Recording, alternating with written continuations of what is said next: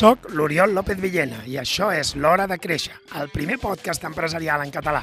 Cada setmana parlem de com desenvolupar estratègies de creixement i executar prioritats per assolir els teus objectius. Segueix escoltant si busques idees, històries i experiències que t'ajudin a gaudir d'un negoci més rendible i divertit de dirigir. Som-hi!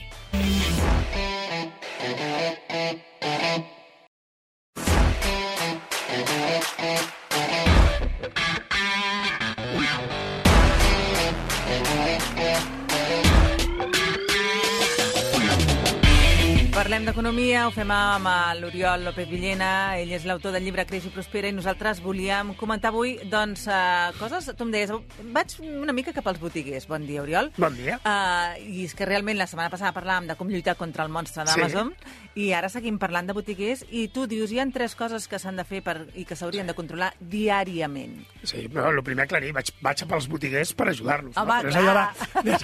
Vas a favor dels botiguers, Exacte, eh? Exacte, a favor, no? sempre que puc. Però el, el, el... sí, home, jo, jo crec que amb, sobretot en aquestes èpoques, no? és a dir, els botiguers en tenen una, una feina. Jo crec que el que parlarem avui pot servir per tot tipus d'empreses, però els botiguers ho veuran molt gràficament. Eh?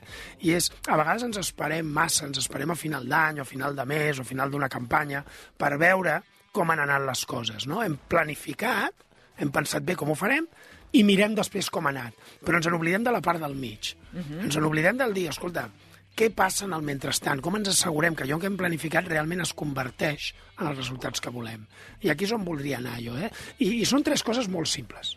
Sí. Que qualsevol botiguer pot controlar a casa seva amb o sense tecnologia. A veure. D'acord? La primera és quanta gent entra a la botiga.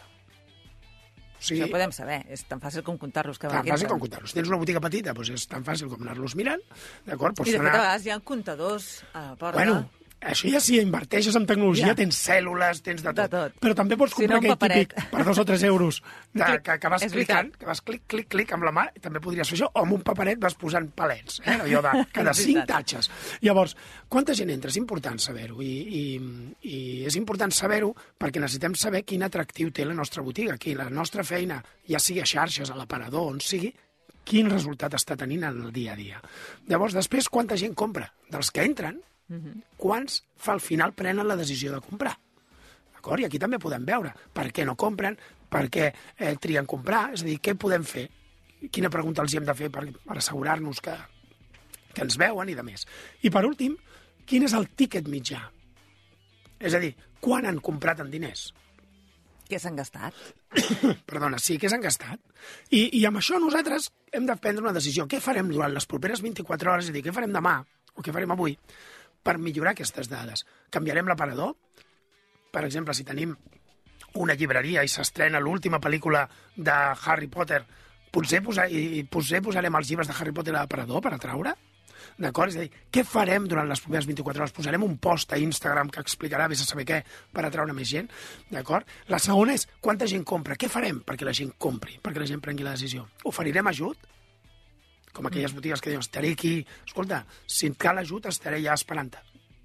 D'acord? Pues mm. Aquest tipus de guions els hem de tenir clars. Què diem? Hi ha coses que funcionen i coses que no. Exacte, perquè a vegades quan, diu, quan veus algun uh, que, que t'insisteix en la seva atenció, et t'incomoda. Has de valorar si Jo realment estàs sumant o estàs En restant. això jo recomano fer un, una, una aproximació més simple, que és eh, acostar-te a la persona i dir, si et cal ajut, estic allà. Mm -hmm.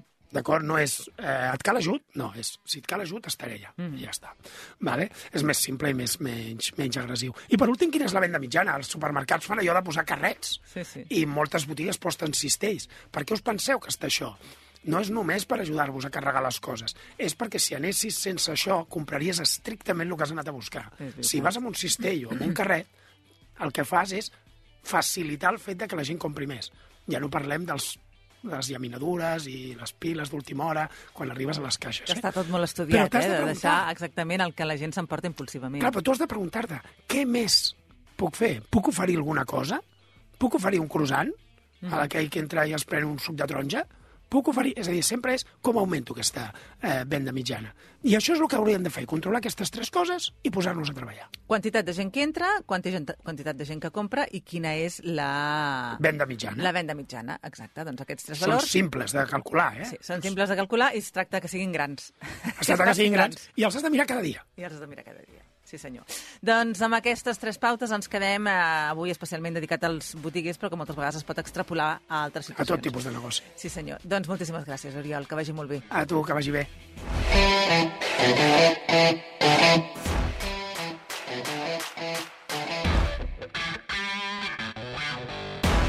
Gràcies per acompanyar-me en aquest episodi de l'Hora de Créixer. Si t'ha agradat, ja saps què has de fer. Escriu una ressenya, comparteix-ho amb algú i uneix-te a la comunitat de les empreses proactives. Gràcies per escoltar-me i recorda, l'acció és qüestió de prioritats.